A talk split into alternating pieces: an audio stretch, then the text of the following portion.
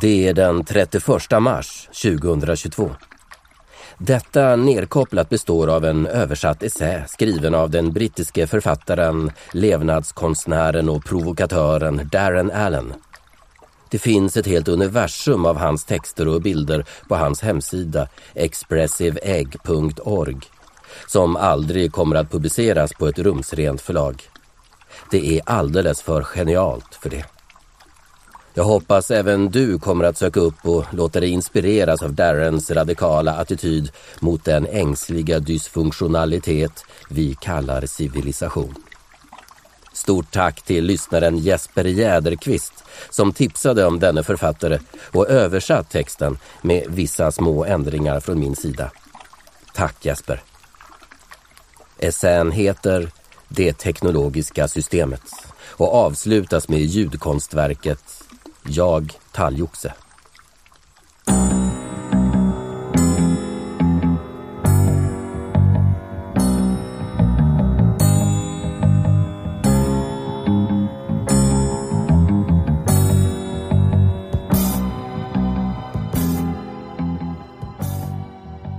Det teknologiska systemet av Darren Allen. De flesta människor vet inte och vill heller inte veta vad det verkliga problemet med världen är. Deras förståelse av den är hopplöst trångsynt, fokuserad på en rad andrahandseffekter. De oroar sig för plundringen av naturen, teknofascistiska underströmmar, kriminaliseringen av kön, absurd ojämlikhet, ungdomens tillstånd, ökande priser och så vidare. Men ignorerar vad allt detta har gemensamt. Det kan liknas vid någon som aldrig tvättar sig och istället ägnar sin tid åt att klaga över klåda, fett hår och svampinfektioner. Han köper mediciner för att komma till rätta med dessa biverkningar och hittar sätt att anpassa sig till dem som känner obehag av hans odör. Likaså är det med världen i stort.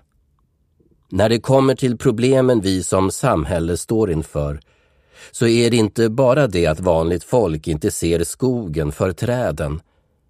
De är livrädda för skogen och hypnotiserade av träden. Lamslagna av de isolerade faror som möter dem och rädda för att slita loss sin uppmärksamhet ifrån dem. Det är inte intellektuella fördomar som leder dem fel, utan en djupt rotad omedveten fruktan över en oerhörd sanning. Så ohygglig att den kan rasera allt de byggt sina liv på. Vissa kanske vid det här laget tror att jag vill få dem till att identifiera problemet som the new world order eller något liknande ljusskyggt koncept. Att ni med andra ord ska få höra en konspirationsteori. Personligen har jag inget emot att undersöka hur storfinansen formar världen eller att blottlägga agendan hos personer som George Soros eller Bill Gates eller att förstå hur företag, stater och de verkliga maktspelarna, investeringsbolag och banker opererar. Allt detta kan visst kasta ljus över vår svåra situation. Inte heller är jag främmande för analyser om vår moderna tids stora monster, kapitalismen. Förutom det faktum att både socialism och kommunism är en del av vad som bär upp det systemet lever vi verkligen i en värld byggd på kapital, på privat ägande av produktionsmedlen. En värld där löneslaveri och skuldslaveri, tvillingpelarna som kapitalismen vilar på, tack vare våra ägares och kreditgivares ansträngningar har förvandlat jorden till en ödemark. Här kan vi ta upp vänstern, den grupp av människor som öser sin energi på att ge bangladeshiska sömmerskor rättvisare löner, försvara minoriteters intressen, förespråka det de kallar demokrati, försöka rädda havsplankton, kritisera USAs krigsmaskin och kämpa mot giriga, odemokratiska jordägare. Allt det här är verkliga hot. Men generellt att välja någon av dessa kamper för oss bort från den verkliga källan till våra problem. Och detta är anledningen till varför vänsterpolitik i alla sina former är det mest effektiva medlet för systemet att skydda och vidmakthålla sig själv.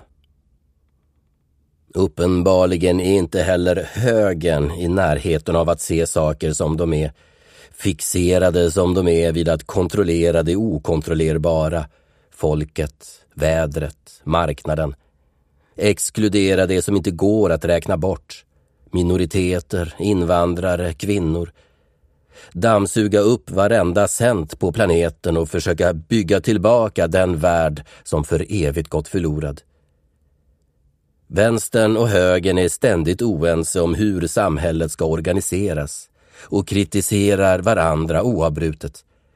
Vänstern fokuserar på högerns girighet och småsinthet och högern på vänsterns moraliska hyckleri och dess individförstörande slätstrukenhet. Men vare sig vänster eller höger är det minsta intresserade av det verkliga problemet. Och när någon hotar att peka på det glömmer de genast sina olikheter och går omedelbart samman för att förhindra det. Så vad är det verkliga problemet? Vad är skogen som så få kan förstå där den döljer sig bakom alla hemska träd? Vad är det som både högern och vänstern betjänar, som styr över deras liv och våra? Vad är orsaken till den fasa vi ser och känner inom oss? Och som många av oss nu förstår bara kan bli värre. Det är det teknologiska systemet och människans ego som byggt och underhåller det. Jag säger det igen. Fasan mardrömsvärlden vi lever i, som bara blir värre och värre och värre, är resultatet av det onaturliga teknologiska system vi skapat och egot som fortsätter att underhålla och försvara detta system. Inte förrän vi förstått och tagit itu med detta kommer vi att komma någon vart, vare sig kollektivt eller individuellt. Med det teknologiska systemet menar jag den onaturliga industriteknika världsmaskin som omger oss. Hårdvaran i denna maskin är världens järn och stål, kol och olja, plast och polykarbonat, koppartråd och fiberoptik, diod och mikroprocessor, containerfartyg och flygplan, dator och smarttelefon, väg och järnväg och så vidare. Det är den av våra sinnen framtänkta materia av modernitet som omger oss. Motorerna, fabrikerna, instrumenten, datorerna, alla världens olika verktyg. Maskinens mjukvara är de moderna institutioner vi är bekanta med. Fängelserna, skolorna, universiteten, domstolarna, kontoren och så vidare. Och informationen som dessa institutioner drivs av. Idéerna, ideologierna, teorierna och övertygelserna om vikten av att hålla igång det hela alla de oöverblickbara organisationer och organisatoriska processer som manövrerar världens verktyg och alla fakta som krävs för att bygga, underhålla och rättfärdiga det. Under årtusenden har det varit möjligt att hålla sig utom systemets räckhåll. Men efter all denna tid med många bakslag och sprickor genom vilka fria människor kunnat slinka igenom har nu systemet fått ihop det. Den slutgiltiga konsolideringsprocessen började under 14 och 1500-talet med en kraftig utveckling i systemets mjukvara och senare under den industriella revolutionen på 1700 och 1800-talen i dess hårdvara. Till slut, för cirka 50 år sedan, lyftes alla hinder för ett komplett världssystem och vi slungades mot det tillstånd vi nu befinner oss i. ståendes framför porten till den fullständiga teknologiska dystopin. Så genomgripande och inkräktande att den bokstavligen lever i psyket hos dem som är del av den till den grad att det för maskinmänniskan blir meningslöst att tala om frihet. Frihet från vad? Fängelset och fången har blivit ett. Nu är det avgörande att förstå att det självklart finns personer som bär ansvar för allt detta. De som äger systemen, men också dess förvaltande klass, dess akademiker, doktorer, präster, journalister och så vidare. Och även om sådana människor bör och ska hållas ansvariga för sin avskyvärda våldsamhet och feghet så är systemet i hög grad självstyrande. Det har sina egna objektiva prioriteringar och krav som dess mänskliga tjänare måste lyda eller krossas av. För att ta ett färskt exempel. Varför har kommunikationsteknologin i den utvecklade världen uppgraderats till 5G? Ingen behöver den egentligen. Ingen är beroende av den, utom kanske några få teknofanatiska dårar. Internet fungerar bra. För bra kan man tycka. Det behöver verkligen inte bli hundra gånger snabbare. Så vilka behöver 5G? Vi kan vara säkra på att teknikbolagen gör det, vilka är beroende av ständiga innovationer för makt och profit och även stater som behöver hypersnabba internetsystem för att lättare övervaka och kontrollera sina medborgare. Men viktigast att förstå är att det är det teknologiska systemet självt som behöver 5G.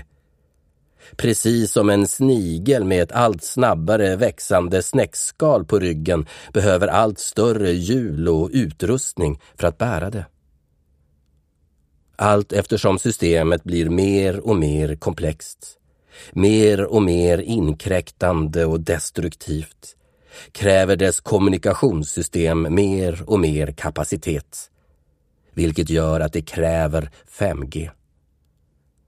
Och så snart en stat eller institution behärskar denna teknik och mer perfekt kan kontrollera sin miljö genom den så måste alla andra omedelbart införa densamma för att inte hamna på efterkälken. Tekniken har fungerat på detta sätt ända sedan den började dominera mänskliga förehavanden för många tusen år sedan. Varje gång ett banbrytande verktyg eller process har utvecklats så mycket att de blir för kraftfulla eller komplexa för enskilda eller lokala gemenskaper att kontrollera är det hela samhället som måste förändras för att anpassa sig efter förändringen. När till exempel en del av det brittiska samhället industrialiserades, bomullsfabrikerna, blev det tvunget att industrialisera de andra delar som tillhörde det. Man kan nämligen inte få maskintyger utan maskinkraft, maskintransporter och maskinförstånd. Varje stadie i varje framsteg kräver en tillhörande utveckling inom varje förknippad teknologi. Inte minst i tankarna, känslorna och livsstilarna hos de människor som måste använda eller användas av dessa tekniker. Detta leder till en mängd olika oförutsedda problem som i sin tur kräver fler tekniska lösningar. Sådana problem innefattar numera den uppsvällda makten hos teknikbolag och byråkrater, utplånandet av natur, det förhärskande tämjande av människoflocken som kallas demokrati. Kulturens och nyanseringens död.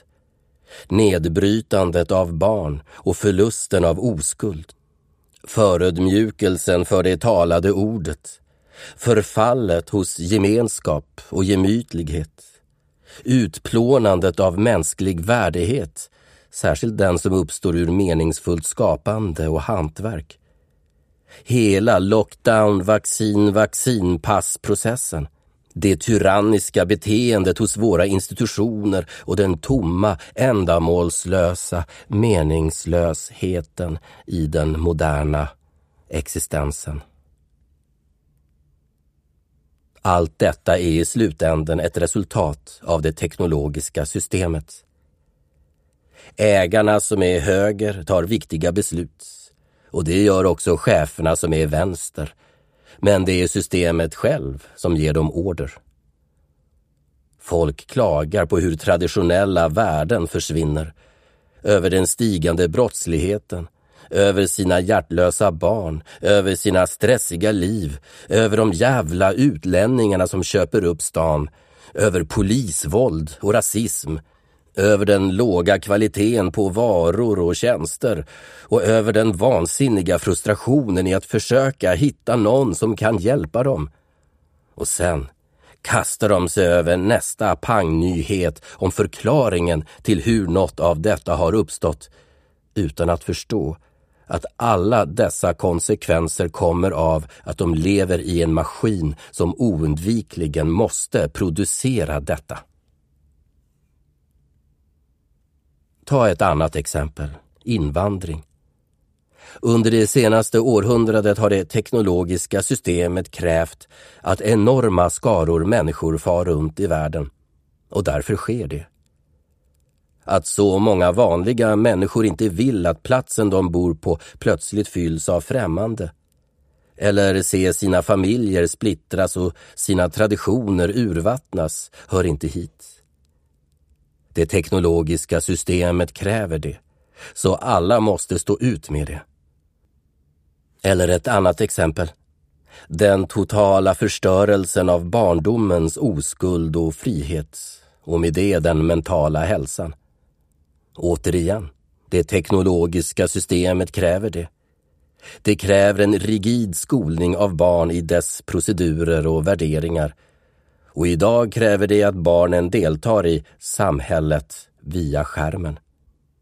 Detta i kombination med föräldrars skräck inför den verkliga världen och ett socialt klimat som premierar en icke-våldsam tolerans, båda konsekvenser av det teknologiska systemet, förenas och har skapat de sjukliga, kulturlösa, egomaniska laboratorieapor vi en gång kallade våra barn.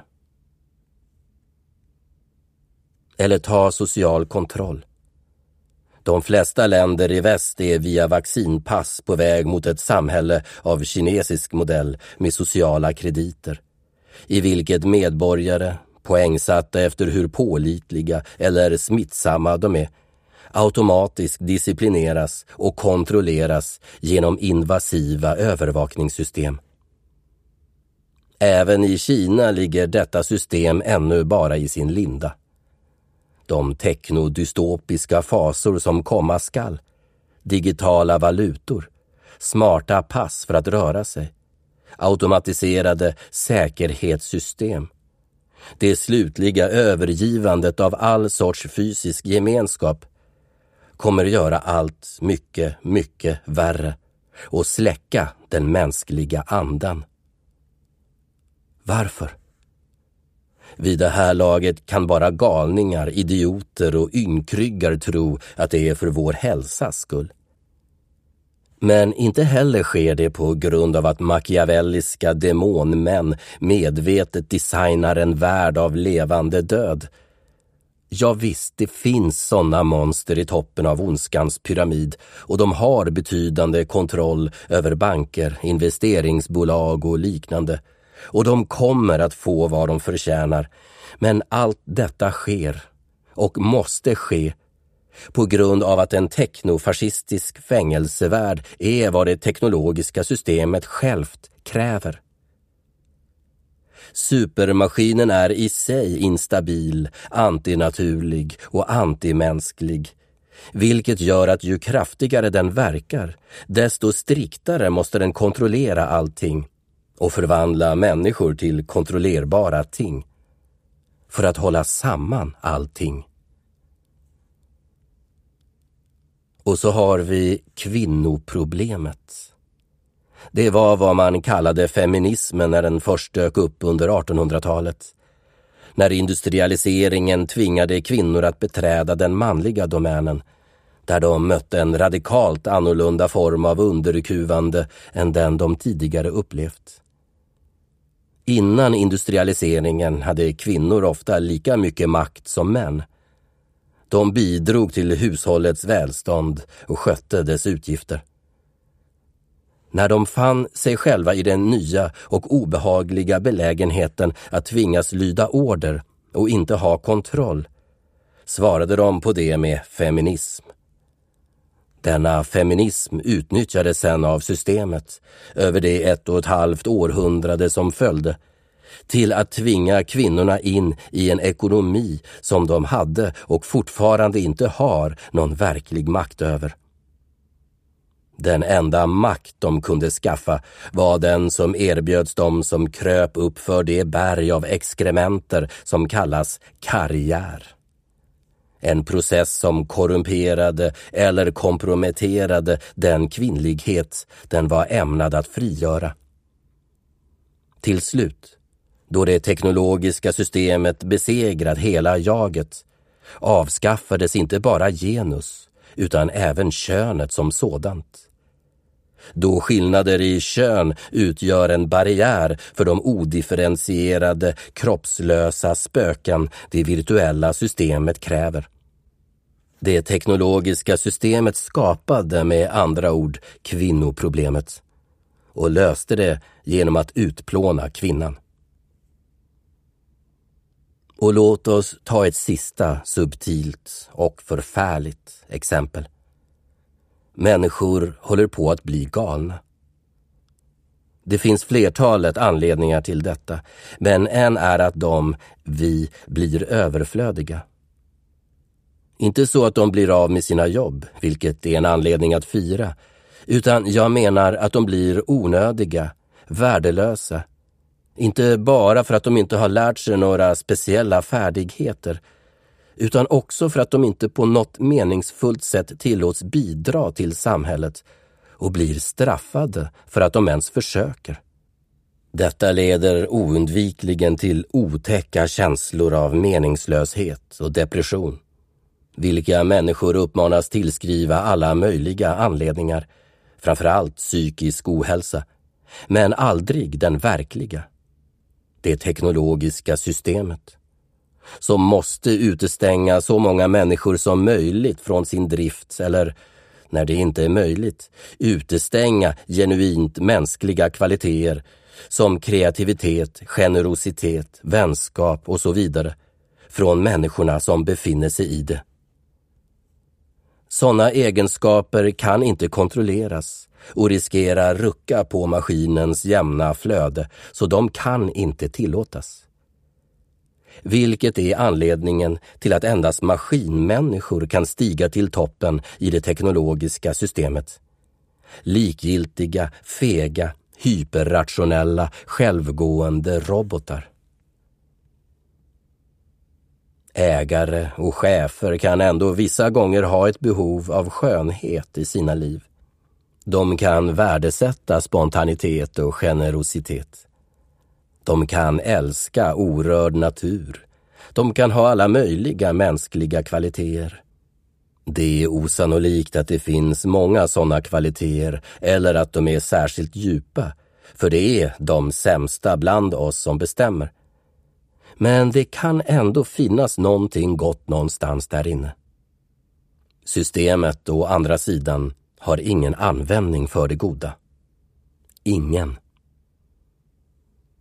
överväldigande skönhet, oskuld och ärlighet, integritet och anständighet, äkta originalitet, tanklös generositet, bångstyrig vildsinthet, ovillkorlig kärlek är alla hot mot maskinens jämna flöde. Varför dessa saker allt mindre finns kvar i våra liv. Alla problem som jag så här långt nämnt, allt vidrigt elände vi erfar i livet, kan förklaras som en direkt eller indirekt konsekvens av att leva inom och tvingas tjäna det teknologiska systemet. Men väldigt få människor inser detta. Därför att verkligen kunna fullt ut se det är att blottställa sitt egos beroende av systemet. De vill få slut på lockdowns eller biofascism eller ödeläggelsen av naturen eller övergrepp mot kvinnor. Och det är bra så. Men det är som en läkare som vill behandla din cancer och skriver ut värktabletter. Vem skulle hindra läkaren? Vem skulle inte ta emot värktabletterna? Men om vi inte nu tar itu med roten till cancern, den egna och gemensamma orsaken, kommer cancern alltid att plåga oss. When I get to the bottom, I go back to the top of the slide.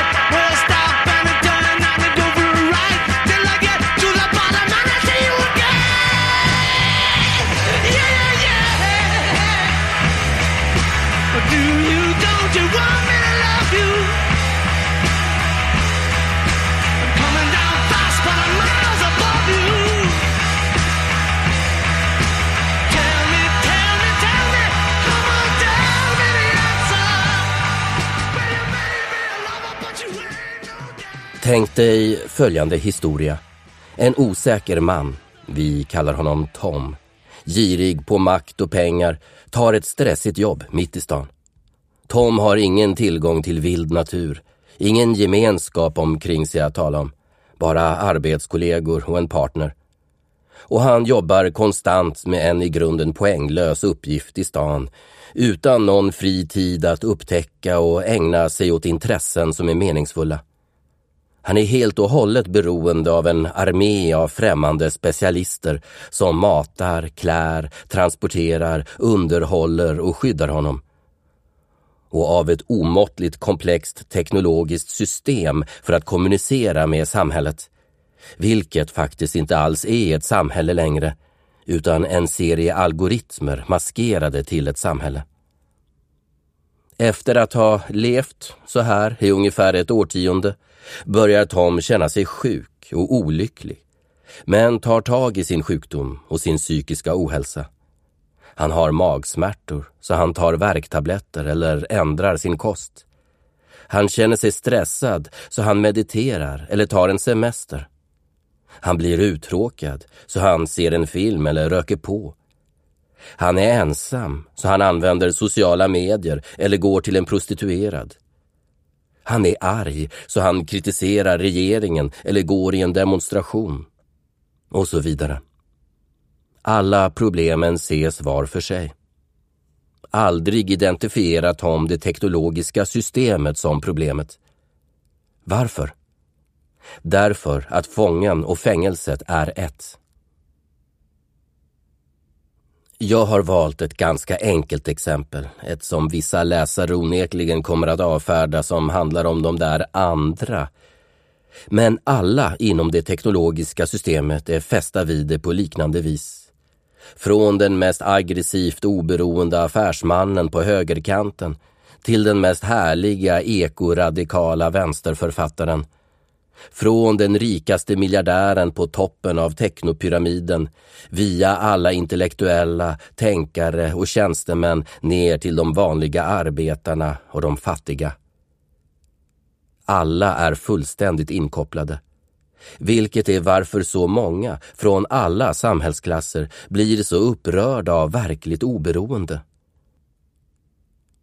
Alla människans av egot skapade osäkerheter och begär, hans undergivna konformitet och avtrubbade passivitet, hans rastlösa behov av stimulans är vid varje beröringspunkt kopplad till det teknologiska systemet som utgör hela hans liv. Han kan inte se helheten, eftersom att göra det betyder att allting måste förändras. Inte bara ändra på vanor och aktiviteter, utan allting, hela varandet. Och följaktligen hela sättet att leva måste förändras. Så han fortsätter att identifiera ett eller annat problem och söker den ena eller andra kortsiktiga lösningen tills han dör. De som äger och förvaltar systemet är väl medvetna om att människor fungerar så här och ser därför till att problemen presenteras utan kontext och att lösningarna på dem inte innebär mer än att lätta något på rädslan och stressen. Men inte mer än att det fortfarande garanterar att den passiva massan är fast i den dagliga paniken och fortsätter vara villiga att offra mer av sin frihet och värdighet för en snabb lösning. Lite mindre rädsla, lite mindre osäkerhet. Det är så här ondskan växer. Genom att erbjuda det minst onda tills det goda har försvunnit. Vad jag menar är att möjligheterna till missbruk, eskapism, vårdslöshet och så vidare är så gott som obegränsade i det fullt utvecklade systemet. Inte bara det, utan systemets förmåga att uppmuntra egot, smickra dess fåfänga, ursäkta dess rädslor och uppmuntra dess sämsta sidor gör det nästintill omöjligt för män och kvinnor att motstå det när det väl krälat in i deras liv. Systemet göder det själviska egot genom att erbjuda konstanta mikrokickar av kändisskap på sociala medier, genom att belöna misslyckanden, genom att vagga kvinnor och män till sömns med centralvärme, smarta telefoner, dataspel, psykofarmaka, fredagsmys och porr. Genom att belöna dem som lyder, som böjer sig, som är fogliga och undergivna genom att göra det omöjligt att på riktigt känna av smärta, smuts, förlust eller hårt arbete. Genom att döpa om egenkärlek, högfärd, feghet och elakhet till psykiska sjukdomar eller till och med kalla det berömvärda ideal. Det har gjort kärleken onödig. Allt detta som systemet bidragit med tillsammans med de olika vilseledande myter det förser sina offer med om att livskvaliteten var sämre i historisk och förmodern tid. Allt detta låter det själviska egot löpa amok. Vilket alla bortskämda barn vittnar om förvandlade oss till fasansfulla egioter, ynkliga ynkryggar och fega missbrukare. Att helt och hållet förkasta systemet kan verka som en lockande idé. Men om du uttrycker tvivel, än mindre gör något åt dem, hamnar ditt banksaldo eller jobb i farozonen. Och helt plötsligt krävs eftertanke och försiktighet. På grund av detta kan nästan ingen se skogen för träden. Att göra detta i det avancerade systemet innebär att totalt förneka ett falskt parasitiskt själv som så till den milda grad har övertagit medvetandet att inget annat, ingen annan kvalitet kan erfaras.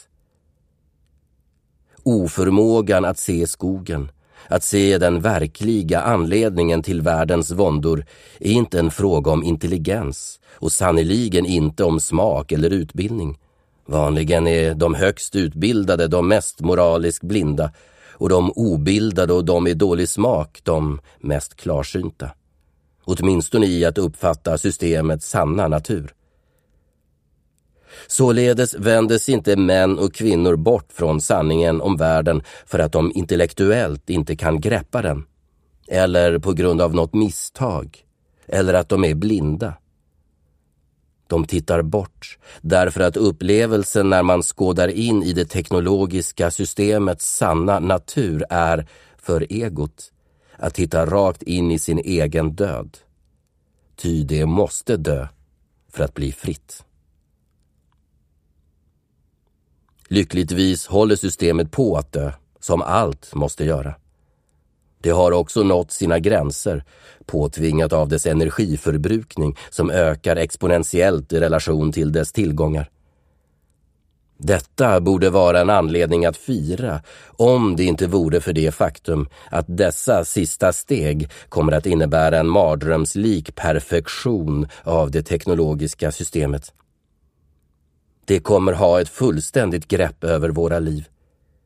Vi kommer att vara fast i en dystopisk fasa våra största författare knappast kunnat föreställa sig.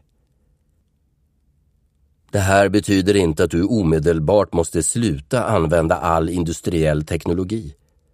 Det är omöjligt, vilket det faktum att jag skrivit detta på en bärbar dator demonstrerar. Likaså absurt enkelspårigt. Det teknologiska systemet har, som vi sett, förvrängt vårt förhållande till varandra. Det har vridit de enkla verktygen ur våra händer och fått oss att glömma hur man använder dem placerat oss i teknokraternas, tjänstemännens, lärarnas, läkarnas och diverse säkerhetsstyrkors fack.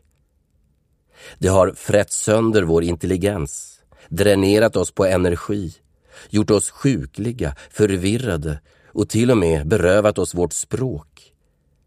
Det har infogat sig självt mellan vår förståelse av våra liv och de medel med vilka vi en gång kreativt uttryckte denna förståelse. Frihet från maskinvärlden är inte bara en fråga om att stänga av datorn och kasta bort smarttelefonen. Det är inte tillräckligt att bekämpa maskinen på den fronten, den mest uppenbara och direkta, även om det också är viktigt. Men så som den har trängt sig in i varje aspekt av våra liv till och med i våra tankar och känslor, så har varje aspekt av våra liv blivit ett slagfält, en nemesis att övervinna, ett fängelse att fly. Och fängelset är du. Jag menar inte att kunna bemästra sig själv och en personlig revolution är de enda vägarna ut ur det teknologiska systemet. Självklart inte. Det skulle leda till en kronisk självupptagenhet. Även de revolutionära handlingar vi manas till att utföra i världen, när vi väl har bestämt oss för att befria oss från dess grepp, är inte nog. Jag syftar på våra strider på arbetsplatsen, i grannskapet och med de olika institutioner vi tvingas interagera med. Något mer genomgripande krävs för att bringa systemet på fall. Vi måste också förstå något som inte alltid kommer fram gällande det teknologiska problemet, förutom dess enorma omfång. Något som måste beaktas om vi på ett intelligent sätt ska kunna konfrontera maskinvärlden. Och det är det faktum att det inte kan reformeras. Någonsin. Precis som varje omfattande utveckling av systemet utvecklat medföljande förändringar runt omkring som sömlöst integreras med varandra. På samma sätt förblir systemets autonoma natur och nästan ofattbara makt. För att inte nämna den slappa passiviteten och inlärda hjälplösheten hos den domesticerade människomassan, helt oberörd av små gradvisa justeringar. Vilka omedelbart hindras av de grundläggande riktlinjer systemet har då allt annat i det skulle hotas av dem.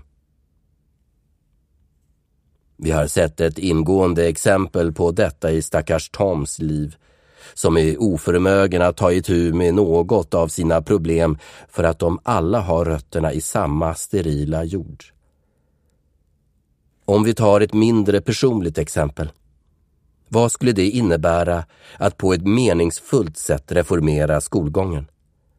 Så att barn kan lära sig sin kultur på det sätt de lärt sig under hundratusentals år genom att direkt delta i den. För att få det att fungera skulle allting behöva förändras. Hela samhället måste bli pedagogiskt. Det skulle behöva bli ett ställe där barn kan lära sig snarare än att bara passivt se på. Och när jag säger pedagogiskt menar jag pedagogiskt i ordets rätta mening. Att låta barn upptäcka vilka de är, snarare än att tvinga dem till det som systemet begär. Dessutom skulle alla av systemet skapade distraktioner och beroenden som fritänkande barn omedelbart sugs in i behöva tas bort från deras liv. Allt det här skulle innebära en fullständig upplösning av varje aspekt av systemet. Samma överväganden är det som hindrar oss från att låta någon av våra teknologier ta ett steg tillbaka. Fundera över vad det skulle innebära att gå tillbaka till häst och vagn. Eller koleldade värmesystem. Eller till pappers eller magnetbandsbaserade informations och filsystem. Återigen skulle allting behöva förändras. Framåt är det enda som är rimligt för det teknologiska systemet. Det måste vara mer.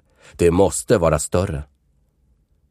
Långsammare, bakåt och mindre är lika otänkbart för maskiner och mekaniserade människor som kvalitativt annorlunda eller bättre. Därför måste det gå framåt. Och alla som drömmer om en framtida utopi måste förutsätta att den, även med diverse permakulturella trädgårdscaféer och eko-reko-design, kommer att vara mer utvecklad.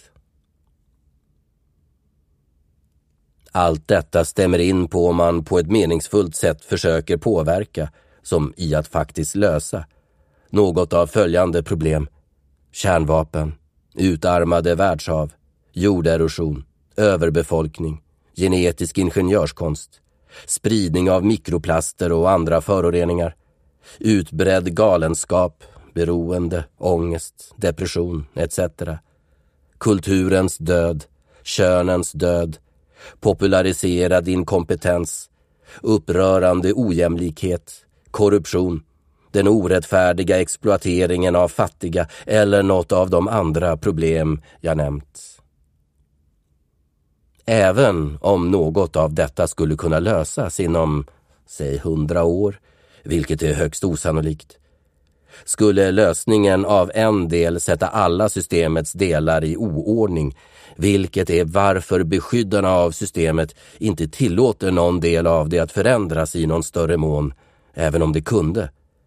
Vilket fortsatt är anledningen till, som vem som helst med ett uns intellektuell hederlighet kan erkänna, att det inte har gjorts några verkliga framsteg i hanteringen av de allvarliga problem mänskligheten står inför. Inga. Man kan tro på att ny lagstiftning kan styra upp det hela. Eller att ny grön teknik kommer uppfinnas och magiskt städa upp oredan. Eller att en ny anti-lockdown-rörelse kommer att befria oss. Eller att ett bra ledarskap kan rädda oss alla.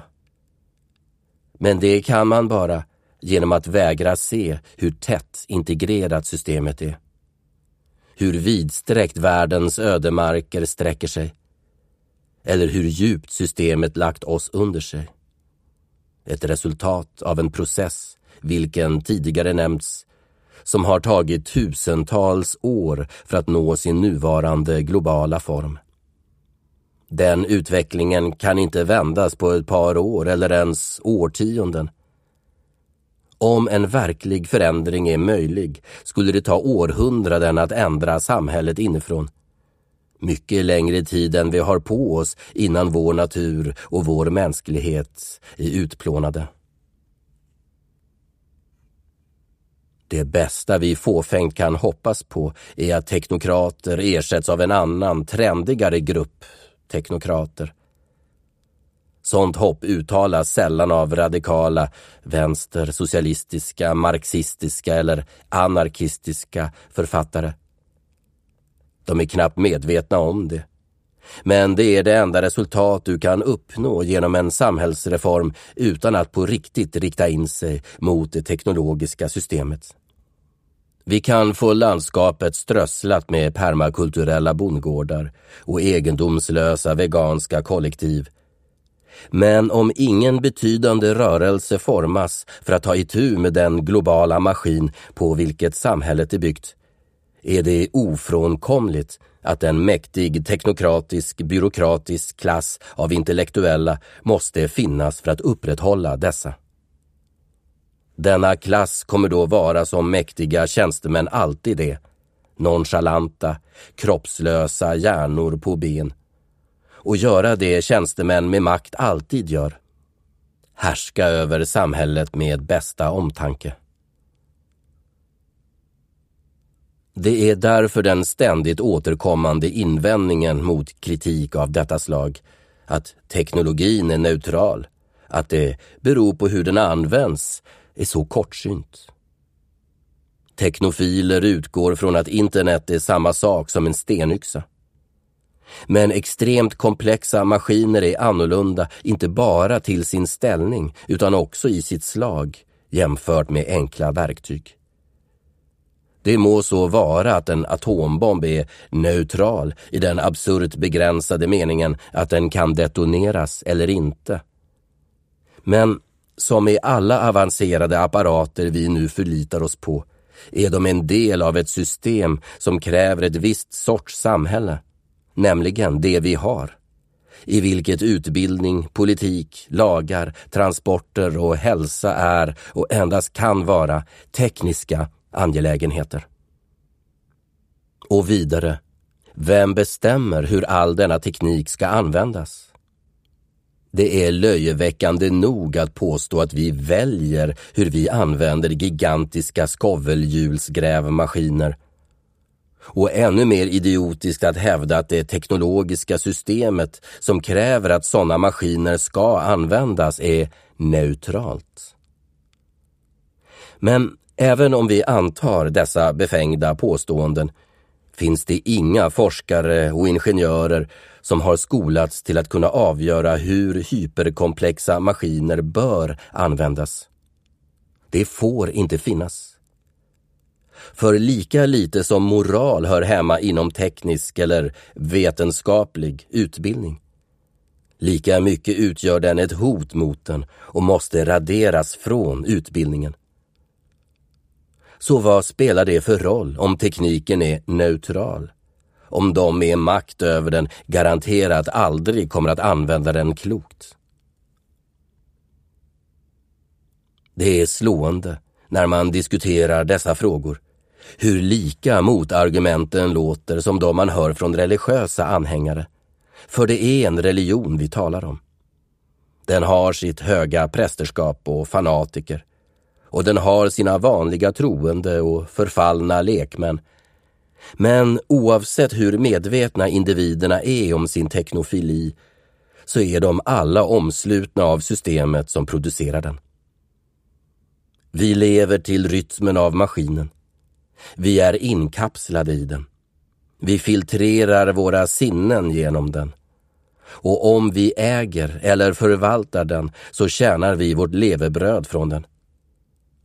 Vi är redan syborger. Vår intelligens är redan artificiell. Vår verklighet är redan virtuell. Det är därför den moderna människan, trots att han aldrig tidigare yttrat ett ord till dess försvar, kommer att reagera på påståendet om att vi är fängslade av det teknologiska systemet, att det inte går att förändra, att det inte är neutralt, att det har sina egna prioriteringar att det styr världen och att det fördärvar män och kvinnor på precis samma sätt som alla troende reagerar på påståenden om verkligheten bakom deras illusion. Med tystnad, hån, förlöjliganden, rädsla och våld.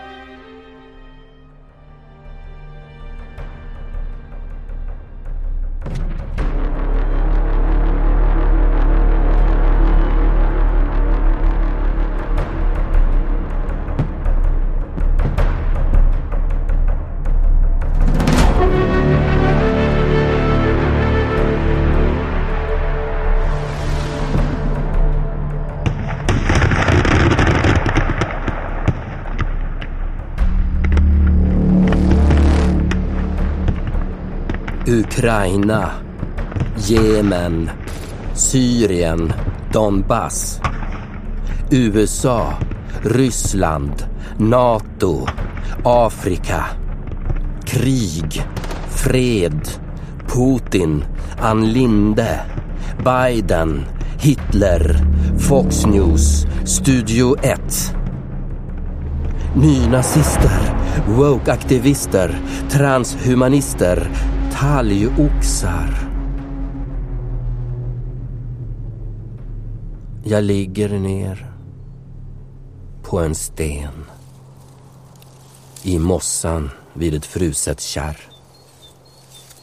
Lyssnar på talgoxarnas tidlösa chatter om mat och sex och respekt för deras gränser för fan. Där har vi människor att lära minsann.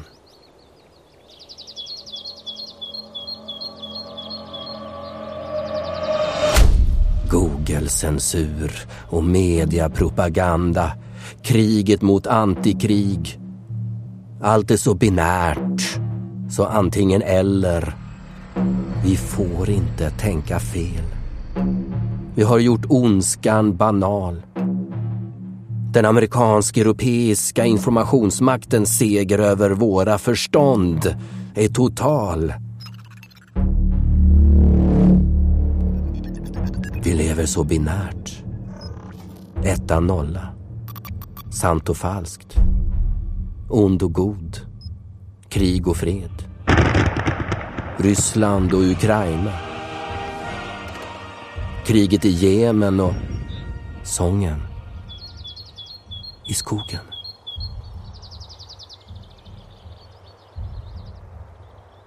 Jag har blivit en del av ett militärindustriellt mediamonster. Ett monster som fått sitt krig. Vaccinpass blir ideologipass. Antikrig, det nya antivax. Ett monster som dunkar fram i nya digitala 5G-spår. Som skrämda små avatarer som bara tycker det de får. Förlåt, talgoxar.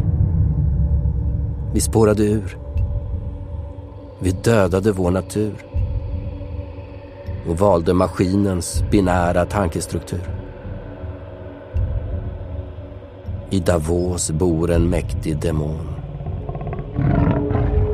Jag måste stänga av min telefon.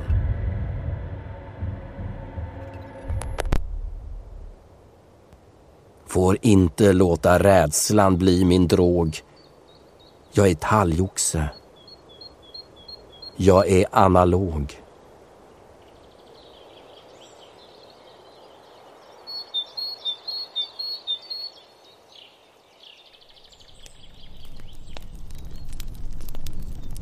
Du har lyssnat på Nerkopplat, en analog aha-upplevelse i en digital dasstunna.